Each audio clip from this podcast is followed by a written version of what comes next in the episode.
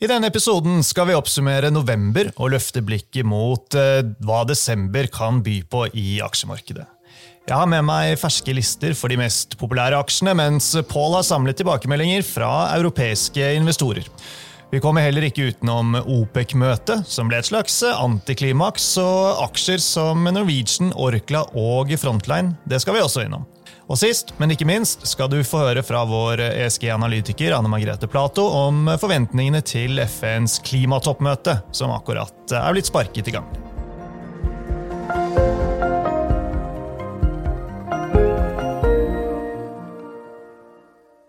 Velkommen til Utbytte, DNB-podkasten der vi forklarer hva som skjer i den globale økonomien og finansmarkedene. Jeg er Marius Brun Haugen, og med meg har jeg aksjesteg Paul Harper. Hei, Paul. Hei, Marius. Ja, du har vært i kundemøter rundt om i Europa denne uken, men rakk akkurat tilbake til podkasten. Det liker vi. Så første spørsmål får bli, var det bra interesse for norske aksjer og nordisk small cap, som vel var temaet ditt på denne turen? Ja, Det er egentlig en del interesse for small cap, og det er noe som ikke nødvendigvis er noe selvfølge. for Ofte liksom, mot slutten av året så er det veldig mange som egentlig er litt mer på den foten at de vil ikke se på nye case. Det er heller bare å, å prøve å sørge for at de ikke går på noe smeller de siste ukene på, på, året. Men det var egentlig en god del interesse, og jeg tror en av de tingene som fanger opp litt interesse nå rundt small cap, er at small cap generelt har gjort det mye dårligere enn large cap nå i litt over et år. Og relativ prising nå for mindre selskap er en god del billigere enn de større. Normalt sett så trekker de hverandre sånn noenlunde når du ser på MSCI Nordic large cap mot small cap-indeksen, men det har åpnet opp en viss divergens i løpet av det siste året. Ser ut som det som sammenfaller litt med renteutviklingen. At De har jo hatt en liten rebound nå de, de siste ukene. Men til en viss grad så virker det kanskje som at store selskap kanskje har kommet litt unna med at renter har trukket oppover. Mens de mindre har jo blitt virkelig straffet. og Det er vel kanskje en viss logikk der med at mindre selskap er ikke like lett for de kanskje å, å få tak i penger hvis de har behov for det, mens større selskap har liksom litt flere muligheter. Men det virker som small cap generelt har blitt straffet, heller enn at det nødvendigvis er så stor forskjell mellom de med sterk balanse og svak balanse. Så det er noen interessante muligheter tror jeg, innenfor small cap. Ja, og det var ikke noe frykt blant de du møtte for at uh toget har gått allerede, med tanke på den oppgangen vi har sett de siste ukene for en del rentesensitive aksjer. Det blir jo veldig kortsiktig, da. Ja, så Det var noen som var litt uh, følte seg litt nervøs med å prøve å, å, løpe etter noen av disse. Så det var kanskje litt mer sånn by the dip hvis det kommer en dip, uh, som var tankegangen. Men jeg vil si sånn generelt så var nok stemningen nøytral pluss. Jeg vil ikke si at det var noe sånn voldsom eufori, men langt fra å være veldig deprimert, øh, syns jeg. Og det er jo også noe som ja, Når vi begynner å nærme oss slutten av året, så, så blir det gjerne litt mer fokus. Ja, skal det komme julerally, og er det sånn at det, da blir det plutselig litt sånn grådighet som overtar frykt. Så det blir spennende å se litt hvilken vei det går, om de hopper på toget eller om de venter litt mer. Mm. Jeg har vært i Stavanger tidligere denne uken. Der var vi med på ulike kundearrangementer, og det er som alltid veldig gøy. Rakk også å lage en podkastepisode med Audun Vikstrand Iversen om eh, noe av det samme, Paul, nemlig at amerikansk small cap også er priset veldig eh, lavt, til hele 22 års lav eh, mot SMP 500. Eh, den episoden sendte vi tidligere i uken, så for de av dere som ikke har hørt den, så får vi bare oppfordre til det. Tidligere i dag så hørte jeg på forvalterne av teknologifondet her i DNB, det som heter DNB Teknologi. Anders Tandberg Johansen, som er en av forvalterne der, han var også innom dette med at small cap nå er lavt priset. og Han var veldig klar på det at ja, de tar gjerne small cap-risiko i porteføljen, de, hvis de finner aksjer de synes er billige. Og det er jo så lett, da, og så vanskelig. Det er jo å finne de godbitene som er billige på. Ja, det er jo alltid sånn at Når du har en sånn større bevegelse, hvor det er mange forskjellige aksjer som blir dratt enten opp eller ned av en felles makrofaktor, så er det noen selskap som eh, faller mer enn fortjent, og andre som kanskje burde ha falt enda litt mer. Så den første bølgen, liksom første fasen, da blir gjerne at hele sektoren eller segmentet beveger seg.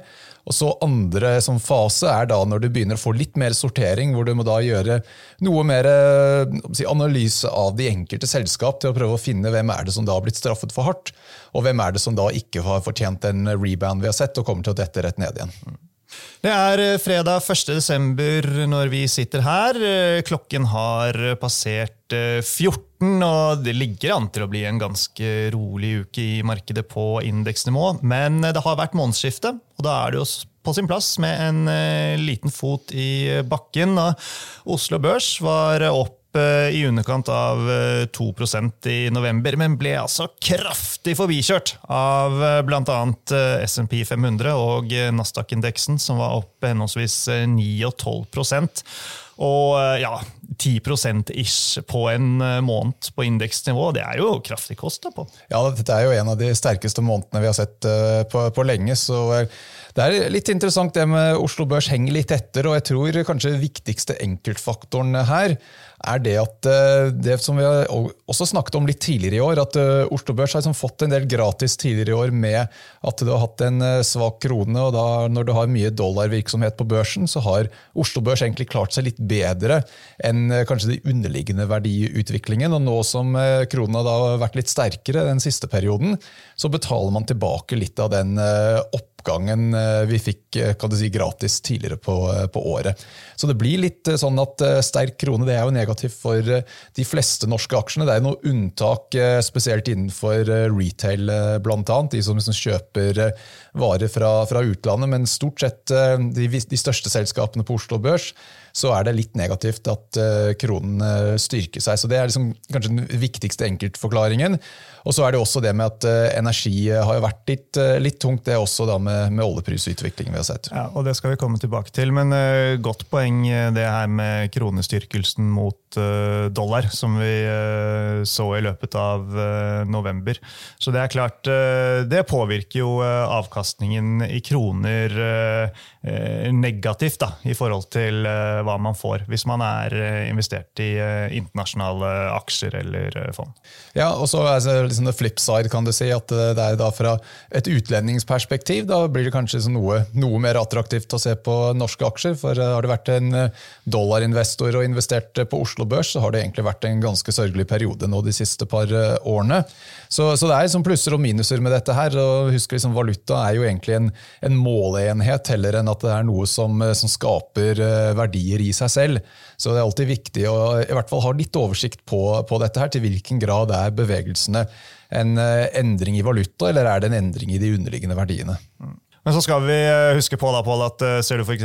på Nasdaq 100-indeksen, så er den oppe nå smått utrolig 46% hittil i år. og Tar du hvordan kronen har beveget seg mot dollar fra årsskiftet, så har den jo svekket seg. Så du kan si investorene som har investert i f.eks. internasjonal fond eksponert mot Nasdaq-indeksen, har jo kommet veldig godt ut av det i år. Ja, Det er jo den perfekte kombinasjonen, kan du si. og Som, som vi var litt inne på tidligere, det gjør det sånn, sånn ekstra tydelig denne forskjellen mellom large og, og small cap. Da, at du har hatt sånn small cap-indekser som er flatt til litt ned for, for året, og så har du liksom megacap-aksjene som har vært veldig sterke. Og det er klart, de, de, store aksjene er jo det som trekker eh, de, de største indeksene. så Når man ser på SMP 500, så er det jo nettopp det at eh, de syv største aksjene det er i underkant av 30% av hele indeksen. Så det blir jo stort sett uh, den retningen de syv største aksjene går, så uh, må resten av uh, SMP 500 da jobbe veldig hardt hvis de skal prøve å, å gå motsatt vei. Mm. Sentimentet nå, Pål? Er investorene mer optimistiske enn på lenge? Ja, Det er jo egentlig et ganske interessant spørsmål. for En av de sentimentindikatorene som vi, vi trekker, er noe som blir publisert ukentlig noe som heter American Association of Individual Investors. Det kommer hver torsdag. Og eh, nå da I går så kom det inn da på det høyeste vi har sett siden eh, juli eh, i år. og Det var egentlig helt marginalt lavere enn den toppen vi så i juli, men det er nå på et nivå som tilsvarer der hvor historisk så er det ofte en sånn contrarian-indikator. At sentimentet er såpass bullish at markedet da stort sett begynner å ha en, en, litt svakere periode i etterkant. Så Når vi ser på tallet nå, da, så er det pluss 29,2 hvis vi ser på antall som er positiv, minus antall, eller prosentandelen som er negativ. 20. juli så eh, var det tallet 29,9, og det var da det høyeste vi hadde sett eh, siden eh, jeg tror det var april 2021. Så dette er ganske bullish. Vanligvis så tenker jeg liksom over 25 er ca. et nivå hvor det begynner å bli litt skummelt i forhold til hvor langt sentimentet kan gå. Men ser du tilbake igjen på grafen på SMP 500, så uh, toppet den i sommer, da 31. juli, da, så um, ja, ti dager ish etter at det sentimentindikator ble publisert. Og så hadde vi en 10 nedgang i løpet av juli og litt inn i august. Så da var det en periode som, hvor den sentimentindikatoren traff nettopp ganske bra. Og det er det at den er bitte litt ledende.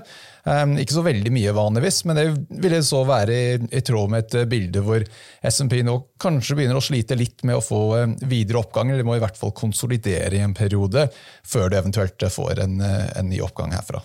En viktig bidragsyter til børsoppgangen i november, det må vi vel kunne si at var fallet i de lange amerikanske rentene. Ned fra nesten 5 til 4,3 prosentpoeng. Ja, altså Det er jo egentlig den sånn store endringen vi har sett uh, de siste ukene. Vi har hatt litt bedre enn ventet inflasjonstall. og Det er vel det som kanskje er den viktigste enkeltfaktoren her. Og så må vi sånn tenke hvor, hvor mange ganger er det plausibelt at Fed kommer til å kutte rentene til neste år. Og Her tror jeg markedet kanskje begynner å bli litt vel optimistisk eh, nå. Nå er det sånn 4-4,5 kutt som er priset inn eh, til neste år. Så med andre ord blir det tre kutt, så eh, må egentlig renten opp herfra heller enn ned. For det er jo sånn det som er priset inn nå. Så man må liksom ta, ta det som en baseline, at det er liksom, hvordan endringene er i forhold til forventninger. Ikke bare at det, rentene blir kuttet. For en del av disse kuttene er da priset inn i, i markedet fra før av. Så akkurat det der syns jeg er litt vanskelig. Det er, eh, det til hvilken grad eh, skal man liksom legge til grunn at det er en viss overshoot eh, her? At markedet blir litt for euforisk, og at renten kommer enda litt lenger ned? Mm. Eller er det sånn at ja, nå har man egentlig priset inn en best case scenario allerede, og da skal renten eller markedsrenten da opp, selv om Fed begynner å kutte renten en gang til neste år? Ja. Jeg kikket på, altså sorterte på de aksjene som har falt og steget mest på Oslo Børs i eh, november. Og de fem aksjene som steg eh, aller mest, det er også eh, aksjer som har falt kraftig hittil i år. Med unntak av Autostore, da, som er flat på året. Ja, så Det blir jo gjerne sånn at når kanskje det største temaet frem til nå nylig var stigende renter, og at da var det noe som trakk spesielt mye sånne veksttype aksjer ned, og de aksjene med ganske høye multipler, når du da får en, et fall i rentene, så, så, blir jo egentlig utvikling da omtrent nøyaktig det, det, motsatte av det vi hadde sett frem til nå. Så da så det, blir det egentlig å snu bunken på hodet. Ja, Det er i tråd med hva man kan uh, forvente. Neste uke kommer det til å komme masse makrodata. Eh, etter at vi er ferdig å spille inn podkasten i dag, kommer det vel tall for eh, ISM-en i industrien, som også er et viktig eh, datapunkt fra USA. Så får vi jo se da, når vi sitter her neste fredag, Pål, om resesjonsfrykten er kommet tilbake, eller om investorene fortsatt tror på rentenedgang. Ja, Her er det som en eh, vanskelig balansegang. for det er klart eh, Man vil ikke ha sterke tall her, for da blir det litt sånn at da, okay, da må man kanskje begynne å, å reversere noen av de eh, rentekuttene som man har begynt å, å, prise inn. På den andre siden, hvis tallet er veldig svakt, så er jo heller ikke det noe spesielt bra. For da du, kan du risikere at eh, det kanskje begynner å ekstrapolere at eh, det blir en svakere utvikling som ender opp i en, en resesjon. Så her er det kanskje mest optimalt å få noe som er omtrent så nærme konsensus som mulig. Store avvik, både positivt og negativt, kan jo egentlig være litt negativt for, for aksjemarkedet. Så det er en sånn vanskelig balansegang som prøver å navigere nå de neste ukene med makrotall. I november så gikk uh, oljeprisen uh, ned fra uh, 86 dollar til 80. dette er jo da brentoljen, nordsjøoljen altså. det trakk jo med seg oljeaksjen til en viss grad. det var jo mye stur rundt OPEC-møtet, som vi også snakket om i forrige uke, Pål. når vi sitter her og, vet resultatet av det som kom i går, så virker det jo ikke helt å ha resultert i OPECs favør. Altså, de kommuniserte et produksjon produksjonskutt på 2,2 millioner fat per dag for eh, Q1 eh, i 24. Men markedet tror ikke det blir den faktiske realiteten, virker det som. Nei, så Vi fikk liksom først en positiv reaksjon eh, i oljeprisen, og så når vi begynte å se litt nærmere på detaljene her, så viste seg å være noe mer vagt enn eh, jeg tror de aller fleste hadde forventet. Og det er nettopp eh, det som gjør at jeg tror eh, markedet blir ikke helt overbevist før du egentlig ser at disse kuttene kommer. Så enkelte av landene når de sier at de skal kutte, så har vi liksom sett på deres historikk at det er ikke så ofte at de nødvendigvis gjør det de sier. Og så, jeg tror det var Angola har bare sagt blankt at de skal ikke gjennomføre dette kuttet.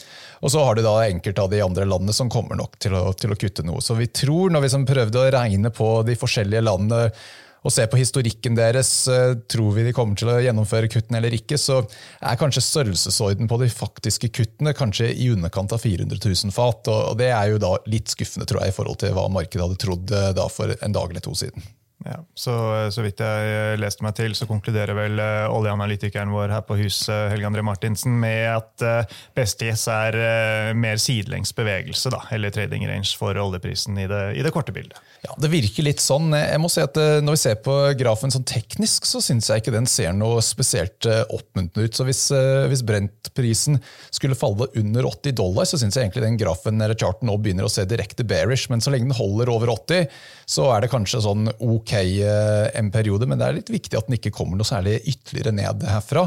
Da begynner man eh, fort å egentlig kunne tegne et bilde at eh, utviklingen her begynner å bli mer negativ enn sidelengs. og Det sier jo også noe om utvikling i økonomien globalt også, at etterspørselssiden her kanskje også begynner å skuffe litt mer enn vi hadde håpet.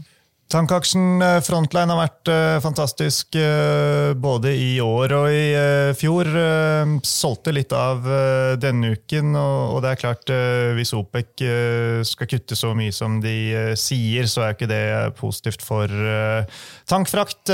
men vi har sendt ut en oppdatering fra analyseteamet i dag. Gjenta kjøpsanbefalingen, kutte kursmålet til 257 kroner, ned fra 267, men står på at det fundamentale bildet ser bra ut. Og her er det jo tilbudsideveksten som er eh, såpass begrenset, på at uh, ok. Om det er noen volumutfordringer i det korte bildet, så uh, mener analytikerne våre at det fortsatt er uh, veldig gode utsikter for uh, stortank. Ja, så jeg tror det er forholdsvis greit å regne hjem aksjekursen når du ser på skipsverdiene.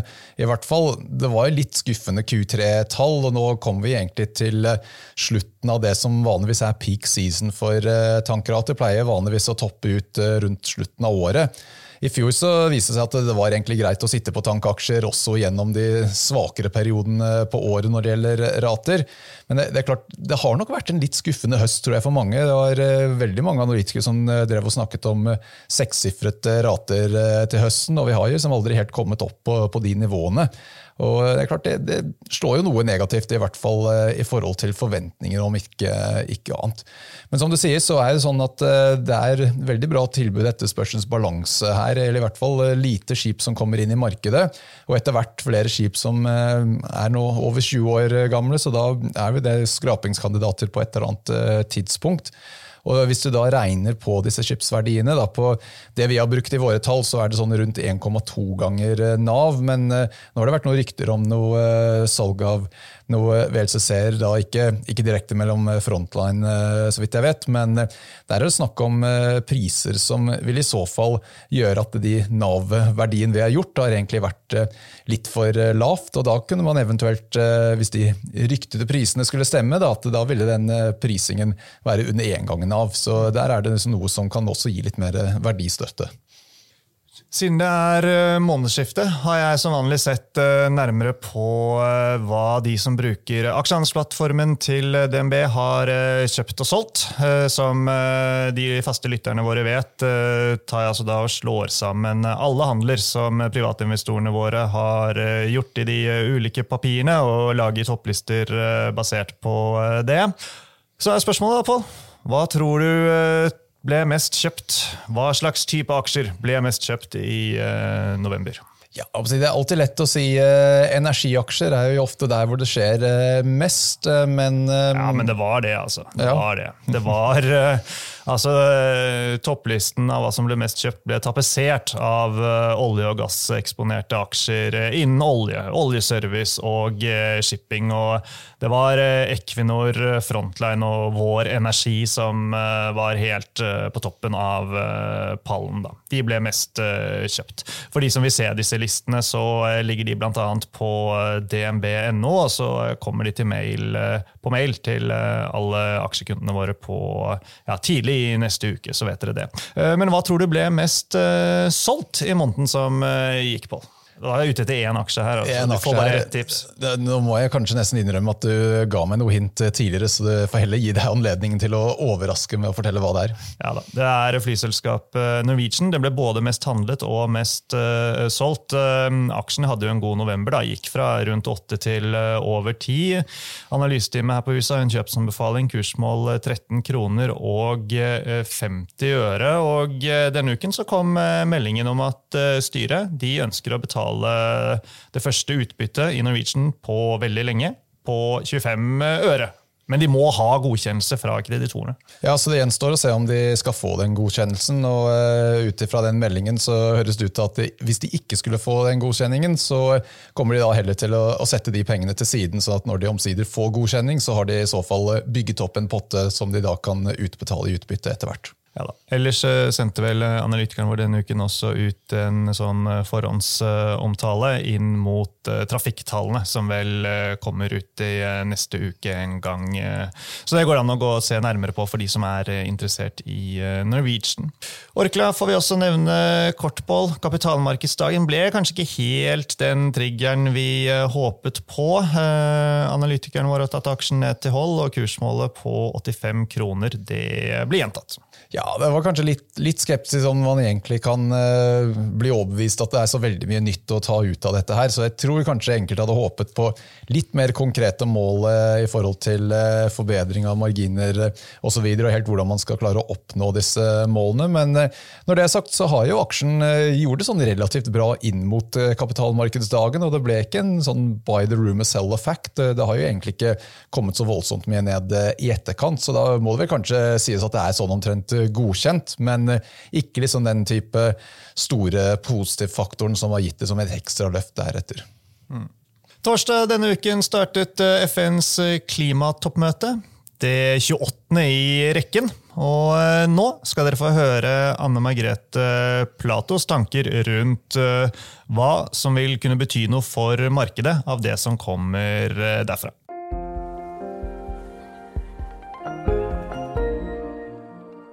Ja, så FNs årlige klimatoppmøter, Conference of the Parties, eller COP, de skal sette langsiktig kurs for de 200 landene som har signert FNs klimakonvensjon.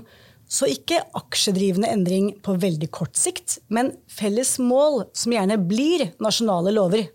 Og det er tre punkter fra årets møte som vi mener kan påvirke. For det første globalt mål om å tredoble fornybar energiproduksjon og doble energieffektivitet. Dette kan komme fordi akkurat COP28, i henhold til Parisavtalen, skal gi konkrete action points, og COP-en omtaler dette som global stocktake. Punkt to ambisjon om nedfasing av fossilt brensel kan komme.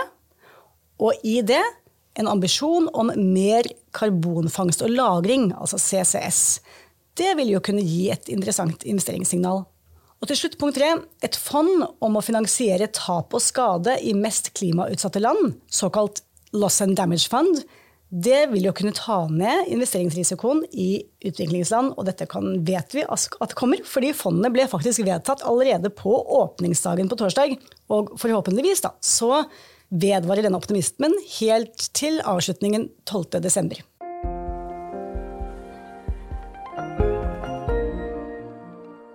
Ja, Pål. Eh, jeg vil ikke verken overvurdere eller undervurdere FNs eh, møteplass for eh, klimamål, så det gjenstår å se hva det som det til slutt blir ut av dette her. Jeg har jo som vanlig sjekket aktiviteten blant aksjehandelskundene våre i en sånn kurv med 28 fornybare aksjer. og Aktivitetsnivået i disse grønne aksjene på Oslo Børs var ikke veldig mye opp Eh, sammenlignet med foregående måned. Så til tross for den rentemedvinden som var i eh, november. Så for meg så virker det bare som at det skal en del til for at eh, investorene på børs skal få trua på de grønne aksjene igjen. Ja, jeg får litt inntrykk at det er veldig mange som har gitt opp litt eh, med disse aksjene. og De blir jo veldig rentesensitive også, disse her. så du kan si at da, når, Hvis renten kommer litt ned, så blir det kanskje litt lettere for eh, en del av disse casene. Eller i hvert fall de som eh, kanskje har noe finansieringsbehov. Men mitt inntrykk er at de handler egentlig mer nå på, på linje med et sånne type early stage vekstselskap, heller enn at det kanskje er så mye forskjell med at de er grønne selskap. At det går liksom mer på den type vekst- og balansestyrkefaktoren heller enn eh, grønn mot ikke-grønn. Ja. Nei, altså Et annet referansepunkt er jo denne Global Clean Energy ETF-en. Eh, e eh, den sa jeg var opp rundt 10% i november. Det er jo på linje med globale aksjer. Jeg vet ikke om den burde gått mer pga. Eh, rentefallet, hvis investorene hadde hatt litt uh, trua? Ja, jeg tror det, er, det, hadde i hvert fall vært en eh, kandidat for å få en litt større rebound, hvis det først hadde liksom vært noe, noe, ordentlig entusiasme her. For de, de, burde i hvert fall tjene mer på den rentenedgangen. Så jeg tror det liksom tyder litt på at det er mange som rett og slett uh, føler ikke at de helt har uh, troa på sektoren uh, lenger. og Når man ser på den Clean Energy-ETF-en, så har det vært sånn ganske jevn outflows ut av den nå gjennom hele året. Så det, det, tyder jo også egentlig på det samme. Mm. Viaplay, Play, der har det vært eh, action i dag, eh, fredag 1.12. De meldte på morgenen om en emisjon på 4 milliarder svenske kroner til en kurs på 1 krone per B-aksje. Skipsted er jo inne på eiersiden her. Det de har sagt til markedet, i hvert fall det jeg har fått med meg før vi gikk inn her i studio, det er at de vurderer situasjonen, men har ikke bekreftet om de vil delta delta eller ikke. Så bare nevner dette her eh, for å si at vi følger med på det, men dette er noe vi får komme tilbake til når eh, analytikeren vår har eh, gjort opp en mening om det. Avslutningsvis, Pål, så tenkte jeg at Historisk så er det jo sånn at uh, desember det um, har jo vært en uh, ok måned på Oslo Børs, men så vet vi at historien det kan man ikke bruke som en sånn prediksjon for hvordan det går uh, fremover. Så spørsmålet får bli, da.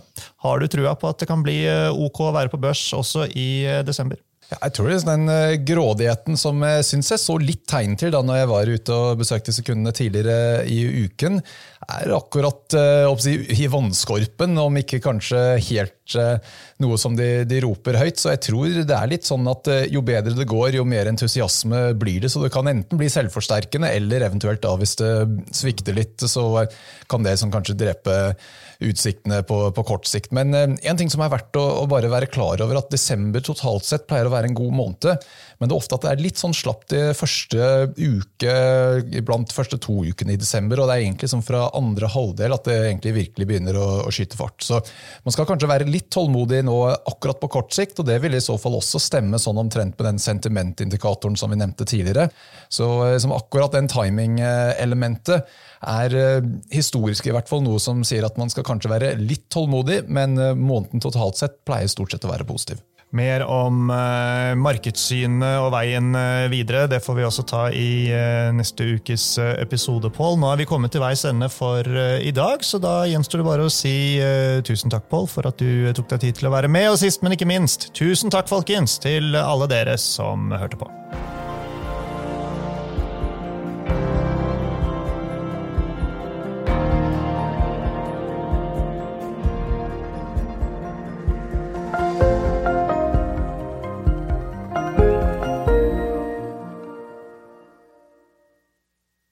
Denne sendingen ble publisert i podkasten Utbytte. Innholdet i sendingen er å anse som markedsføringsmateriale fra DNB og er ment å være generell spareveiledning. Sendingen skal ikke oppfattes som et tilbud om å kjøpe eller selge finansielle instrumenter, eller som investeringsrådgivning tilpasset den enkelte investors situasjon. En investor som har behov for råd eller har spørsmål og informasjon som gis, bør kontakte en finansrådgiver. DNB påtar seg ikke noe ansvar verken for direkte eller indirekte tap som følge av innholdet i sendingen legges til grunn for eventuelle investeringsbeslutninger. Husk at historisk avkastning aldri er noe garanti for fremtidig avkastning. Avkastningen kan bli negativ som følge av kurstap. Bruk av prognoser for å beregne fremtidig avkastning er heller ingen garanti for fremtidig avkastning. Innholdet i sendingen bygger på informasjon fra offentlig tilgjengelige kilder som DNB ser på som pålitelige, men som ikke er uavhengig verifisert. Følgelig gir DNB ingen garanti i forhold til nøyaktighet og fullstendighet. Alle uttalelser her reflekterer DNBs, den enkelte ansatte, eller andre tredjeparts vurderinger på tidspunktet for den aktuelle sendingen, og kan i ettertid endres uten nærmere beskjed. Ytterligere informasjon om bl.a. kildebruk og interessekonflikter er tilgjengelig på dnb.no skråstrek invest disclaimer.